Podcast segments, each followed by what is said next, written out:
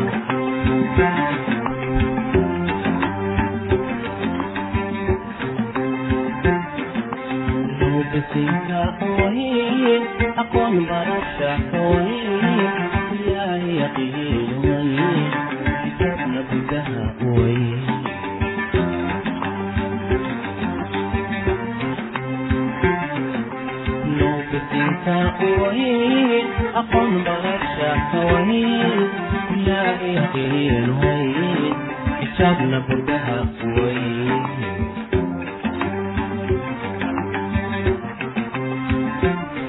naftayda barbaatamo shaxaynigu biirayba taygu baxay taygu baxay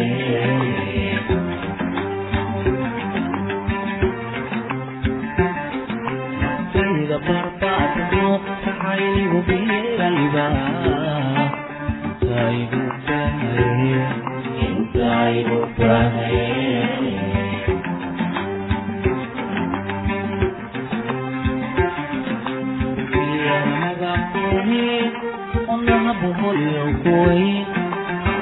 beenbeen hawayn ukaan xaalkani hawayn beerkayadaa kuwayn beerkayadaa kuwayn beerkayadaa kuwayn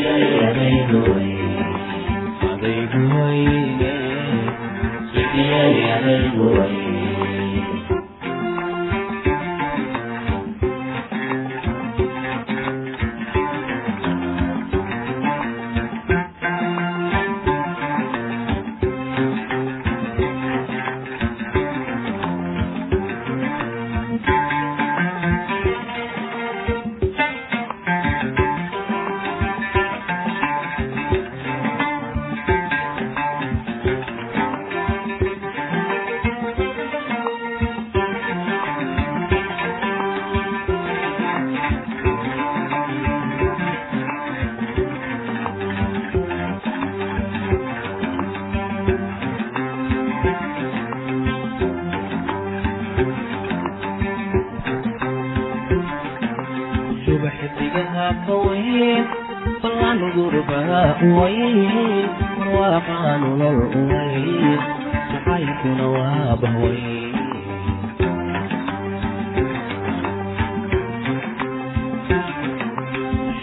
buuraha ka wayn adigu buuraha ka wayn unba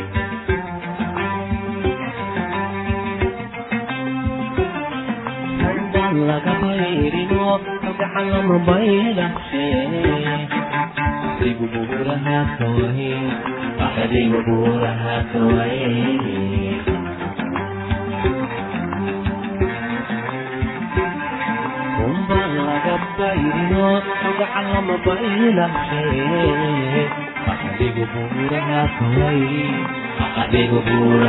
kuwayn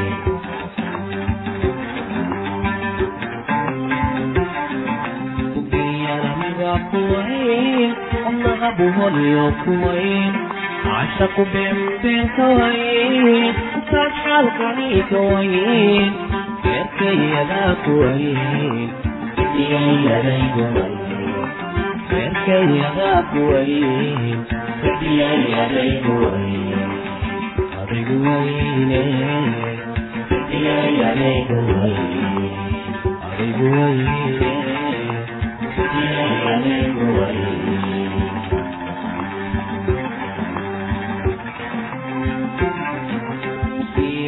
yaramiba kuwayn wadnaha buhoniyo kuwayn caashaqu beenbeen ka wayn ukaan xaalkani ka wayn beerkayadaa kuwayn bediyayadaygu wayn beerkayadaa kuwayn bediyayadaygu wayn adigu wayne adaygu wayne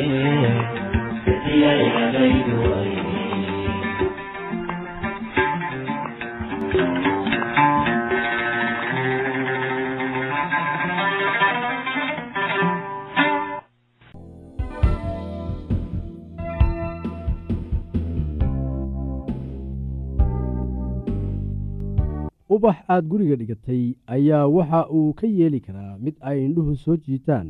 Ha ahaato guriga dhexdiisa ama gudihiisa waad waraabin oo korinaysaa wuxuuna guriga u keenayaa qurux.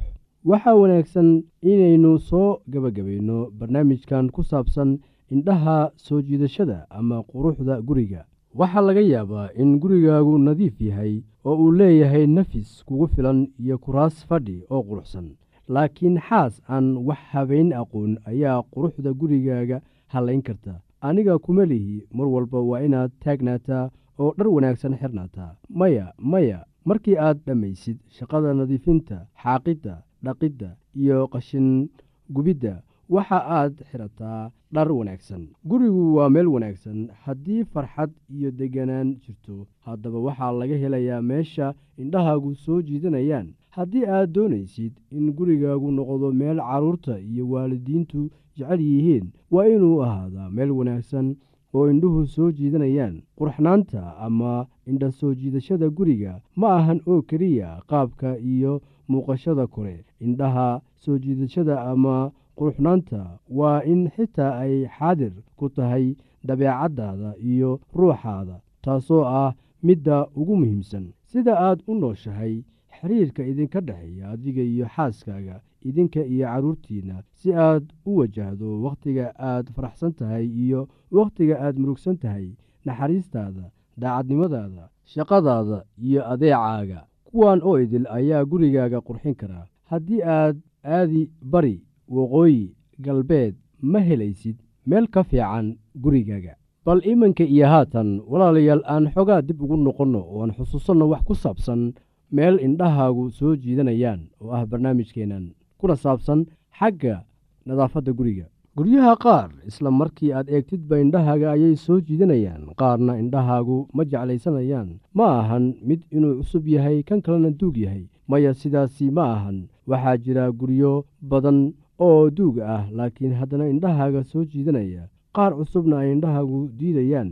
Waxaad isweydiisaa maxaa keenay kala duwanaanshahaas? Taasi waxay ku xidhan tahay qofka dooqiisa waxa uu doorbidayo waxa uu jecel yahay iyo waxa uusan jeclayn. Inaad gurigaaga wanaajiso oo aad qurxiso macnaheedu ma ahan inaad isticmaashid lacag badan. Bal marka hore aynu sharaxno orahda ah indha soo jiidasho taasoo aan aad ugu isticmaalayno barnaamijkan. Gabdhaha qaar ayaa waxa ay ku fikiraan labis indhaha soo jiita inuu yahay oo qura kan casriga ah ee ugu dambeeya ama darees laga soo iibiyey magaalada laakiin sidan ma ahan xitaa marka la eego labiska. Marka maxaa loola jeedaa guri indhahaaga soo jiita? Tan macnaheedu waxa weeye guri leh nadiif qurxoonaan udgoon oo deeraddiisu wanaagsan tahay oo la habeeyey. In meel aad ka dhigto meel wanaagsan oo indhahaagu qabanayaan waxaa loo baahan yahay ahmiyad dadaal dheeraad ah iyo aadaab aad ku xaajisid wixii aad fudhisay waxaan xusuustaa markii aan soo barbaarayey markii aan dhallinyarada ahaa waxaa subax walba aan soo agmari jiray gurigoo markii aan u socdo dugsiga.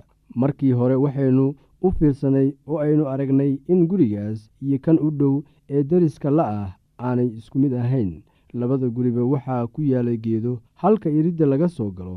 Gurigan qaas ahaan mar waliba waxa uu ahaa nadiif oo waa la xaaqay. Caleentii soo daadatayna waa laga guray xitaa waxaad arki kartaa caleenta qoyan ee soo daadatay kadib markii halkaasi la xaaqay. Mar waliba aynu meeshaas soo marnaba gurigaasi waxa uu ahaa nadiif oo waxaynu u bixinnay magac innaga oo ugu yeerayna nadiifsane runtii ninkan waxa uu lahaa ahamiyad iyo dadaal uu samaynayey iyo aadaab awoodsiisay inuu shaqadan fuliyo oo ay meeshu ahaato nadiif isbuuc ka isbuuc. Hase yeeshee abaalgudka dadaalkiisu waxa uu noqday mid ka weyn kii uu filanayey waxaad dareemaysaa waayo aragnimo ah isku kalsoonaan iyo waxqabad marka adiga laftaada aad gacan ku leedahay. Dadaal kasta way u qalantaa haddii ay tahay guriga gudihiisa ama dibaddiisaba. Idinleh caafimaad wacan.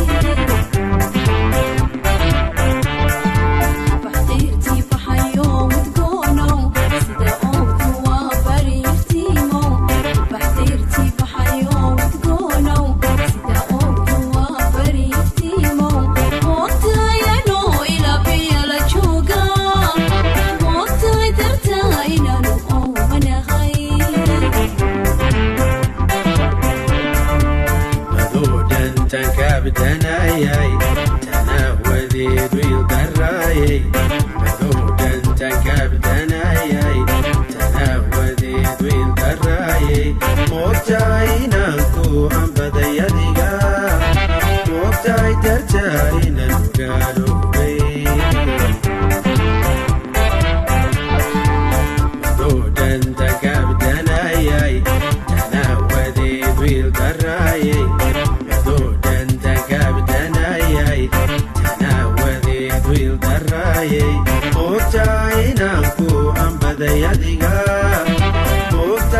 die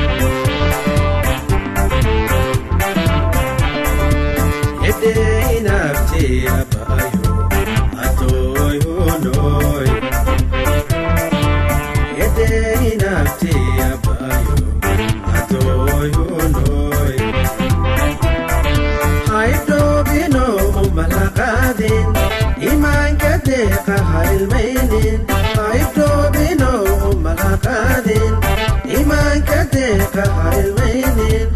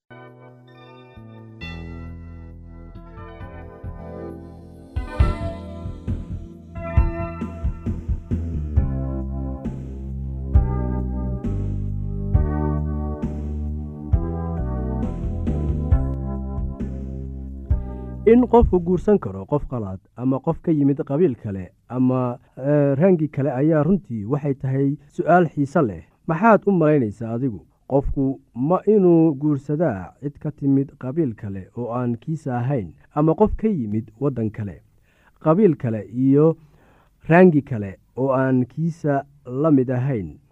Waxaan uga dan leeyahay midab kale aan kiisa ahayn maadaama ay baryahatan sii kordhayso xurgufta dhex taal dadka kale ka kala yimaada waddamo kala duwan leh dhalasho kala duwan ama qabiilo kala duwan sida caadiga sidee baad u aragtaa guurka ka dhex dhacaya labada qof oo aan isku qabiilka ahayn ama aan isku midabka ahayn? Bini aadamku miyuusan isku mid ahayn iyadoo aan loo egin qabiil midab ama dhalashada qofka baryahatan ardo badan oo leh dhalasho kala duwan qabiil kala duwan ama midab kala duwan ayaa wada xidhiidha sababtaas awgeed dadka isguursada oo ka kala yimid qabiilo kala duwan ayaa baryahatan haddaba waxaa ka imaan kara haddii dad kala yimid qabiilo kala duwan isguursadaan. Haddii si loo fiiriyo waxay noqonaysaa in qofku jebiyey xiriirka uu dhaqanka ahaa ee reerka ilaa muddo oo uu reerkiisa jiray.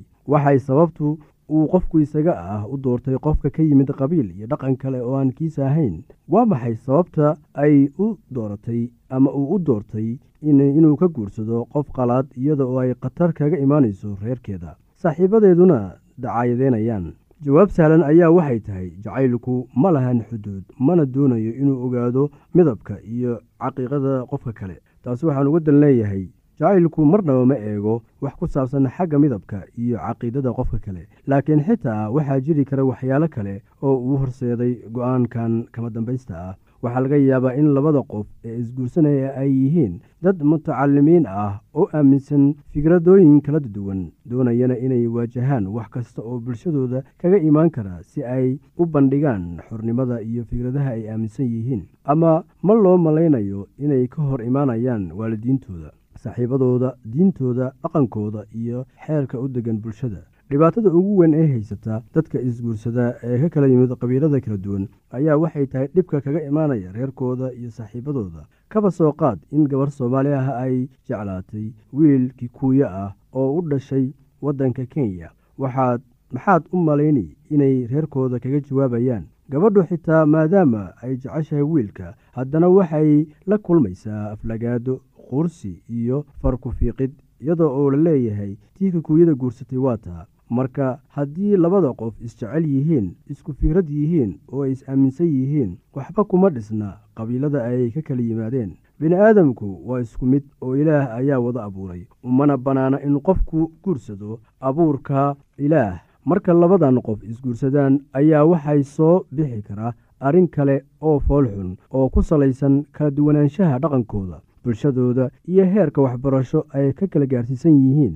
Waxaa laga yaabaa in mid waxa u muhiim uu haysto kan kale uusan sidaaba u qadarin. Labada qof ee isguursanaya waa inay si dhab ah oo taxadar leh u falanqeeyaan kala duwanaanshaha dhaqankooda intii aanay isguursan guurka ka dhex dhacaa dadka kala yimid qabiilo kala duwan miyuu waraa? Dhibaatada guurkaasi ma weyn yahay mise way yar tahay? Waa sidee heerka hor u kaca iyo faraxa guurkaasi? Xitaa aala guurka ka dhex dhaca labada qof ee isku qabiilka ah ayaa keeni kara wakhti adag. Haddaba maxaad u malaynaysaa guurarka kale ee ka dhex dhaca dad aan isku qabiil iyo isku af ahayn? Xaaladdu way ka sii daran tahay qabiilka iyo bulshada uu qofku ka yimid ayaa waxay saameyn ku yeelanaysaa sida uu qofku u dhaqmo oo u fikiro iyo qaabka uu u noolaan doono mustaqbalka. Sida loo soo barbaariyey marka ay carruurta ahaayeen ayaa kala duwan. Waxaa kaloo iyana kala duwan cayaaraha ay yaqaaniin luuqadda iyo habka loo hadlo. Haddii aan soo gebagabeeyo hadalka wax waliba way ku kala duwan yihiin. Haddii aynu eegno xagga waddanka ameerika guurka ka dhex dhaca dadka kala duwan ayaa waxa uu keenaa dhibaato waxaa loo arkaa inuu yahay guur ka dhex dhacay qof madow ah iyo qof caddaan ah. Haddii madow iyo caddaan isguursadaan reerka madowga ayaa guurka soo dhoweynaya marka la barbar dhigo reerka caddaanka. Madowga iyo caddaanka isguursada ayaa waxay sahal u arkaan inay ku noolaadaan meesha madowgu degto. Tanna waxay u horseeday inay xiriir soke la yeeshtaan reerka madowga ee uu ka dhashay ninka runtii waxay u muuqanaysaa inay hal meel u qulqulayaan oo labada isqabtaa waxay yeelanayaan saaxiibo badan oo madow ah marka loo fiiriyo caddaanka